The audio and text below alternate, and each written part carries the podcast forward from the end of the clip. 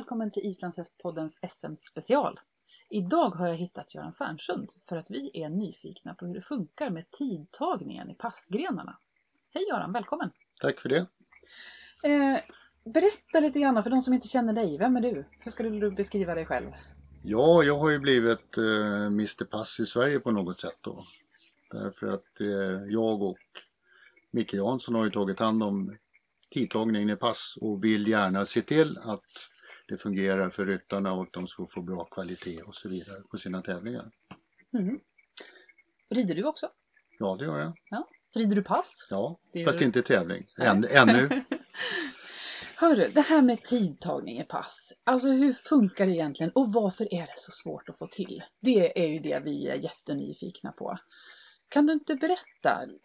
Hur funkar det? Ja, det finns ju två olika system.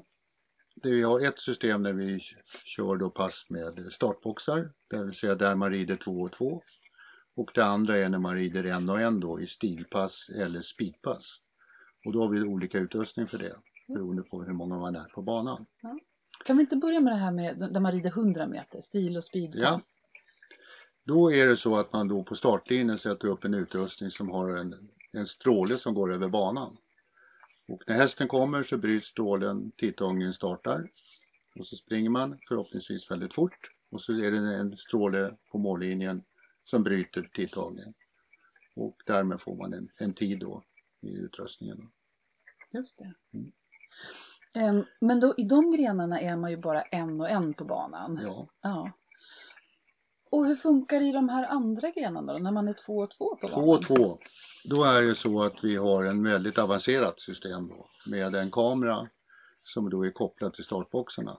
Så när dörrarna öppnas på startboxarna går en signal till våran utrustning som startar tidtagningen. Mm.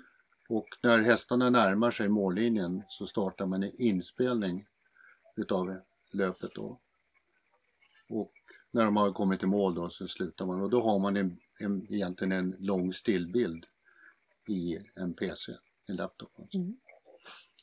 Och då kan man gå in och titta eh, och förstora och eh, så vidare. Titta. Och så sätter man då, eh, eftersom vi då använder nosen där vi ska ta tiden, så kan man ställa en linje precis på nosen och så läser man av tiden automatiskt. Ja, Och så lagrar man den och så kan man flytta då till nästa häst och göra på samma sätt. Ja. Så det är inte bara tiden som tas utan det är en målkamera helt Så, ja. enkelt? Så, Målfoto? ja. så man kan gå och titta efteråt sen och titta. Ja. Och det händer ju ibland då att domarna vill titta eh, till exempel om någon har ridit med spö kan man ju se det på de här bilderna. Ja, okej. Just det. Så det har hänt några gånger att man gör det. Ja. För, för det var en av mina frågor. Hur vet man vem som vinner? Ibland är det ju så att vi med blotta ögat faktiskt inte kan se vem som vinner. Vi som står vid- bredvid och tittar. Och, men då går man in och tittar i det här målfotot alltså? Så ja, Ja. det gör man. Och sen har vi ju då mössa som vi har på en av dem för att kunna se skillnad om man inte känner igen hästarna. Ja, just det. Precis. Så man kan alltid titta på huvudet då. Men då kan man gå in och så förstorar man upp och titta då.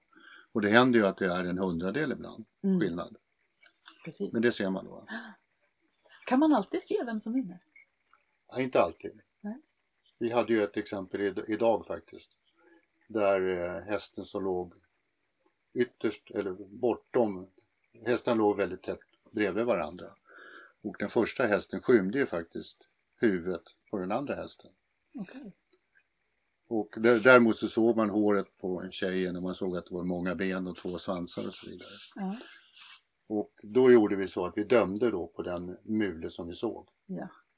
Ja. Så man kunde misstänka att den andra var precis bakom? Ja, Ja, och även om den inte var exakt bakom så är det så lite i alla fall. Va? ja. Och hade båda då gått i pass så hade man gett samma tid. Va? Ja, okej. Ja. Ja. Men det finns ju egentligen inga regler hur man ska tolka det här utan det, här kan man, det gör man ju med en huvuddomare. Eller något sånt. Just det. Så om, om det är någon fråga, alltså om det, om det inte är självklart, kan Ja. ni då ta dit domar, huvuddomaren och Ja, titta på det kan vi bilderna göra. efteråt? Det kan vi göra. Okej. Men det är ytterst sällan det är så. Ja, Det här är första gången på fyra år som det har hänt faktiskt. ja. Mm. Men hörru, det här, var, varför är det så ofta som det inte funkar? För det har vi väl alla varit med om någon gång någonstans att man åker på en passtävling och så blir det stopp och så funkar det inte. Och man väntar och väntar och väntar. Vad är det som kan krångla med det här systemet? Alltså det, det här är elektronik. Va? Det är mycket kablar som ligger ute. Det är elektronik och det är kablar som ska kopplas till kamera. Det är en, P, en, en PC. Va? Och eh, alltså jag, det är ju inte riktigt gjort för utomhusbruk den här utrustningen. Va? Och sen är det ju så, vi plockar upp och ner det här och även om man är försiktig så slits ju grejerna. Va? Mm. Fördelen när man håller på det är att man vet vad de här svaga punkterna är. Va? Ni vet ju själva, man kan ha en liten kontakt och sliter man för mycket så blir det glapp inuti kontakten. Va? Och då är man lite extra försiktig där man vet att det är på det sättet. Va? Och sen kan man ju råka ut för då eftersom det här behöver ju ström också. Och eh, vi har ju numera eget elaggregat med oss då. Okej. Som vi ställer bakom på banan. Ja. Så vi har nämligen råkat ut för där det var fel på strömmen på en, på en anläggning. Var på systemet brann upp. Oj, hoppsan. Så då har ni med er eget aggregat? Ja. ja. Så är det. Slipper vi dra kablar. Så, för det har ju faktiskt också varit så att sedan den här passgruppen startade och så ni har kommit igång med ert arbete så har det funkat ganska bra för er med tidtagningen. Ni har gott renommé. Ja, Ja. det har vi. Här gott renommé det är när, när ryttarna säger så här, de duktiga ryttarna, var är ni nästa gång? Ja. Då anmäler jag mig till den tävlingen. ja. Det är bra. Precis, för det, det händer ju då ändå att tidtagningen inte fungerar. Ja. Eh, vad, vad gör man då? Vad händer om det är elektronisk tidtagning och så funkar det inte? Och så rider en ryttare, vad gör man då? Eh, Eftersom vi då har slutat använda det som heter manuell tidtagning, det vill säga med vanliga stoppur, så får man ju rida om en gång. Okej. Det är Mm. alternativet då. Mm. Och så hoppas man att man får igång utrustningen. Och får man inte igång utrustningen, ja, då får man plocka fram sina klockor. Mm. Och då är det på det sättet regelmässigt att man får blanda de digitala tiderna med manuellt tagna tider. Det. För det har blivit en regeländring, eller hur? Det var några år sedan det Ja. en regeländring. Ja. Ja. Och när man tar tiden manuellt, hur funkar det? Vad gör man då? Då plockar man fram, eh, antingen tar man fram stoppur eller så tar man fram sin telefon. Ja. Och då är det tre stycken tidtagare för varje häst. Mm. Om det är två hästar då, Mm. är det en häst. så det. Och eh, sen är reglerna så att man tar bort den tiden som ligger längst ifrån. Så att säga. Och sen har man två tider kvar så gör man ett medelvärde på de tiderna. Och sen lägger man till då 0,4 sekunder. Vilket jag då tycker är väldigt mycket. Just det. Så om man tar manuell tidtagning så lägger man alltid på lite grann. va? 0,4 Ja. säger reglerna. Ja. Ehm, hur vet de när de ska starta klockan? De här manuella tidtagarna? Då har man antingen har man en flagga som någon står och drar ner. I startboxen här på Eskilstuna till exempel är det en lampa som tänds. Okej. Om man skulle ha manuella tider på boxarna. Mm.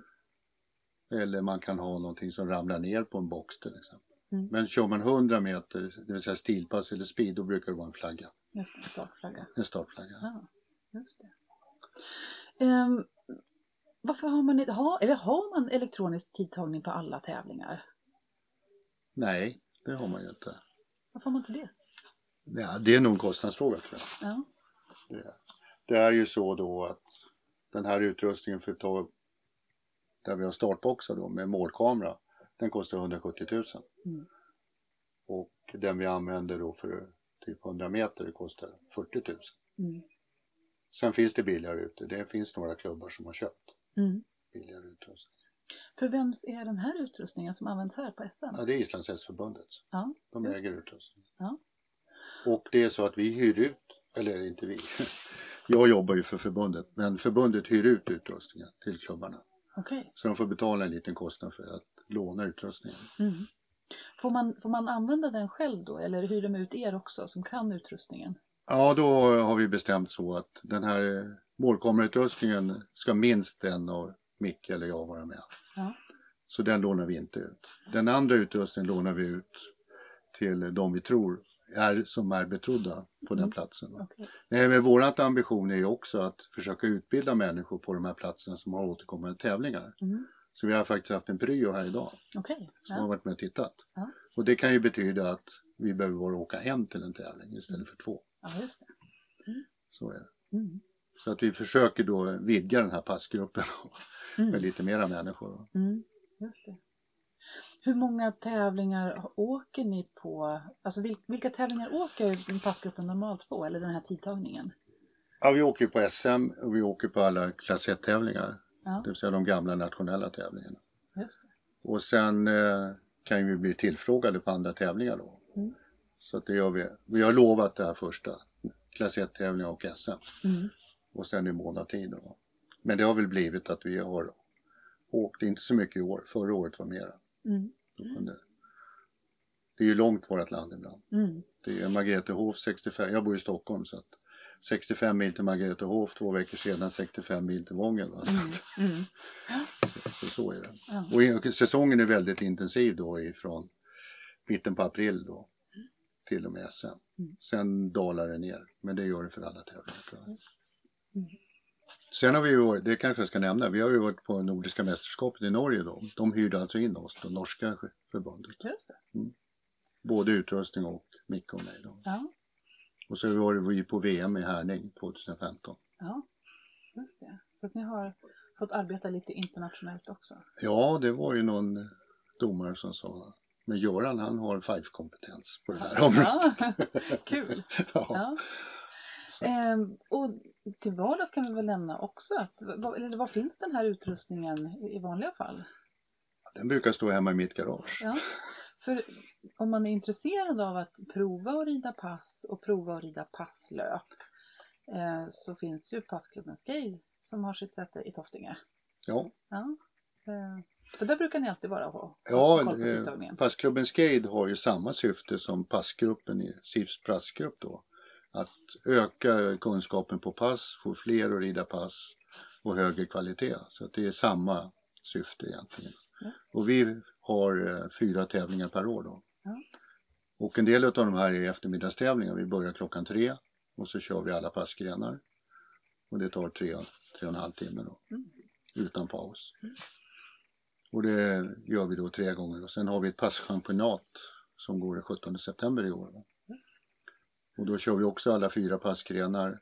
Sen kör vi då startboxar, galopp 150 meter. Mm.